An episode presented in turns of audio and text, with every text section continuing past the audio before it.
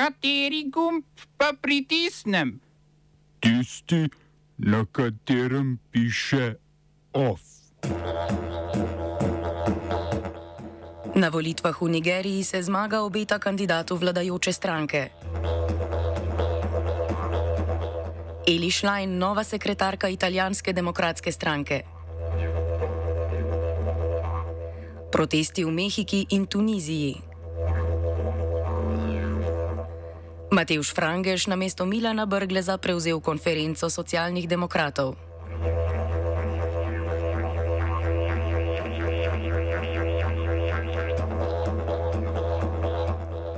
Na volitvah v Nigeriji so po delnih rezultatih zmaga obeta Boli Ahmedu Tinubuju, članu vladajoče stranke All Progressive Congress, krajše APC. Poleg predsednika so v Nigeriji volili tudi vseh 109 članov senata in 360 članov predstavniškega doma. Uradni rezultati volitev bodo predvidoma znani sredi tedna. Za predsednika je kandidiralo 18 kandidatov, izmed katerih sta poleg Tinubuja favorita trenutno drugo uvrščeni Atiku Abubakar, nekdani nigerijski podpredsednik iz opozicijske ljudske demokratske stranke in Peter Obi, član delavske stranke. Trenutni predsednik Muhammadu Buhari kandidiral zaradi, ni kandidiral zaradi omejitve upravljanja funkcije na dva mandata. Za zmago v prvem krogu mora kandidat skupno prejeti več kot polovico glasov in vsaj četrtino glasov v 24 od 36 zvezdnih držav. V nekaterih delih države so zaradi kraje identifikacijskih naprav in okvare volilnih naprav ter poznega prejemanja volilnega materijala glasovanje zamaknili. O situaciji na voliščih več pove oče Eden Precious, član nevladne organizacije Yes Project, ki je na voliščih imela opazovalce. We experience a lot of um, delay uh, on arrivals of materials and uh, the INEC officials at polling units. And um, this is something that was experienced almost nationwide in most places. Uh, particularly, I observed in the Federal Capital Territory and as early as 7.30 we were out to begin to do our monitoring and observation and we discovered in most of the polling units where we visited uh, as at past 9 a.m uh, the officials and materials have not arrived so that gave us a lot of concern uh, i can tell you that on average nationwide we had a situation where in most of the polling units uh, officials arrived by uh, about an hour or two hours late to the official time where uh, voting is supposed to commence. So that is actually the true picture of things uh, in our general election. Več o volitvah v Nigeriji v offsajdu ob petih. Italijani so za novo sekretarko opozicijske demokratske stranke izvolili nekdanjo evropsko poslanko Eli Schlein. Na strankarskih volitvah, na katerih so lahko za plačilo dveh evrov glasovali vsi volilni upravičenci in ne samo člani stranke, je Šlajn prejela skoraj 54 odstotkov glasov in tako premagala Stefana Bonačinija, predsednika dežele Emilija Romanja, ki so mu javno mnenjske ankete napovedale zmago. Eli Schlein bo na položaju sekretarke demokratske stranke nasledila Enrika Leto, ki je svoj odstop z vodstva stranke napovedal po jesenskih parlamentarnih volitvah, na katerih so demokrati kot del levo-sredinske koalicije prejeli 20 odstotkov glasov. Schlein je zato že med volilno kampanjo obljubljala temeljito prenovo stranke, ki je po njenem razdrobljena in brez jasne identitete. Napovedala je tudi prehod na zeleno gospodarstvo, večjo pravičnost na trgu dela in boj proti privatizaciji zdravstva.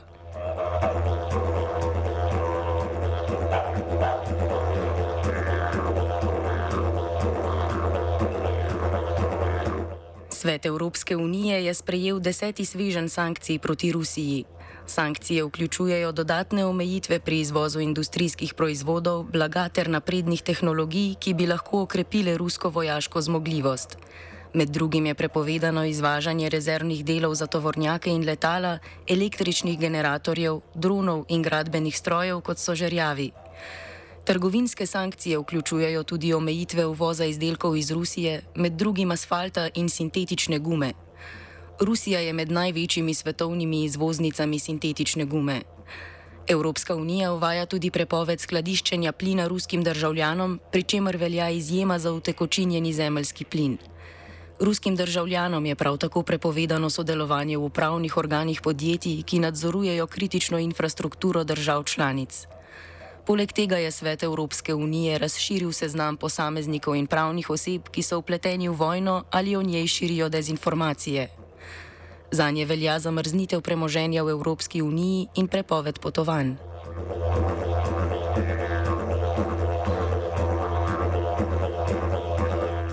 V Mehiki je več kot 10 tisoč državljanov protestiralo proti novi volilni zakonodaji, ki predvideva zmanjšanje proračuna in števila zaposlenih pri državnem volilnem inštitutu.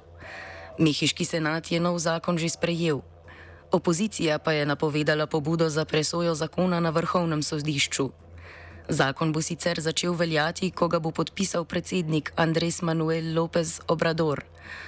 Ta je že od prevzema mandata kritičen do nacionalnega volilnega inštituta, obtožil ga je goljufije, ponarejanja volilnih dokumentov in kupovanja glasov.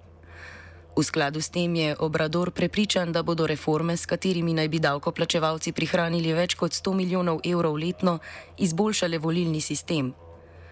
Protestniki opozarjajo, da zakon, ki naj bi število zaposlenih pri državnem nadzorniku volitev zmanjšal za 85 odstotkov in odpravil več kot 300 okrožnih odborov, pomeni napad na demokracijo.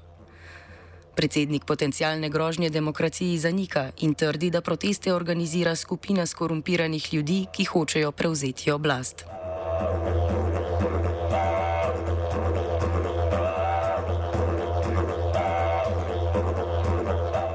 V Tunisu so potekali protesti proti antimigranski politiki podpredsednika Kaisa Sajeda. Ta je o priseljencih iz podsaharske Afrike dejal, da so del zarote za kulturno spremembo Tunizije. Po predsednikovi izjavi so se na družbenih omrežjih pojavila poročila o napadih na migrante, udore v njihove domove ter prisilne izselitve. Poleg tega naj bi nekatera zasebna podjetja zavrnila prodajo vozovnic ljudem, o katerih so predvidevala, da so migranti. Več tisoč protestnikov je migrantom izrazilo podporo in poudarilo, da je tudi Tunizija del Afrike. V Tuniziji sicer že več mesecev potekajo protesti proti vladavini predsednika, ki je z državnim udarom oblast prevzel leta 2021.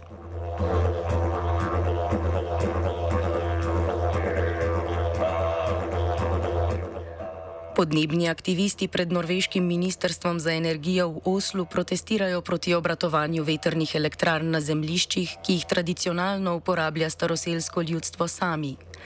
Več kot 200 aktivistov z Greto Thunberg na čelu je v znak protesta blokiralo vhod v stavbo ministerstva in poudarilo, da je bila gradnja šestih veternih elektrarn na polotoku Fosen nesprejemljiva.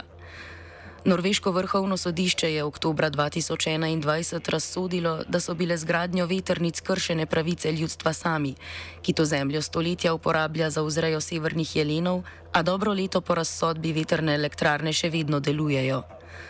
Protestniki so zato ves vikend blokirali ministerstvo in kljub posredovanju policije danes zjutraj nadaljevali protest. Smo se osamosvojili nismo se pa osvobodili. Da se naštejemo še 500 projektov. Izpiljene modele, kako so se strani nekdanje LDS rotirali. Ko to dvoje zmešamo v pravilno zmes, dobimo zgodbo o uspehu. Takemu političnemu razvoju se reče udar. Jaz to vem, da je nezakonito, ampak kaj nam pa ostane? Brutalni obračun s politično korupcijo. To je Slovenija, tukaj je naša zemlja, to je Slovenija, Slovenija. Konferenca socialnih demokratov je za predsednika izglasovala Mateuža Frangeža. Nasledil je evropskega poslanca Milana Brgleza, ki je to funkcijo opravljal od leta 2018. Frangež je državni sekretar na Ministrstvu za gospodarstvo. Člani konference so ga za predsednika izglasovali z 61 glasovi za in 9 proti. Podpredsednica konference je postala Damjana Karlo, vodja sektorja za strukturne sklade na področju raziskovalno-razvojne dejavnosti na Ministrstvu za visoko šolstvo, znanost in inovacije. Konferenca stranke je najvišji organ med dvema kongresoma.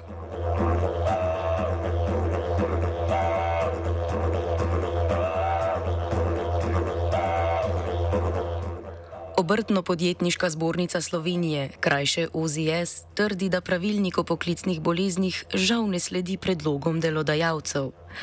V petek je bil v uradnem listu po več kot 30 letih objavljen pravilnik, ki vključuje seznam 67 poklicnih bolezni in bo začel veljati 1. maja. Do sedaj je bila azbestoza edina poklicna bolezen, ki se jo je dalo uveljavljati kot poklicno bolezen. Po pravilniku bodo delavci, ki sumijo, da so poklicno oboleli, lahko s pomočjo osebnega zdravnika vložili vlogo za ugotovitev poklicne bolezni. Namen pravilnika je zagotavljanje boljših pogojev za zdravje zaposlenih in primerne skrbi za tiste s poklicnimi boleznimi.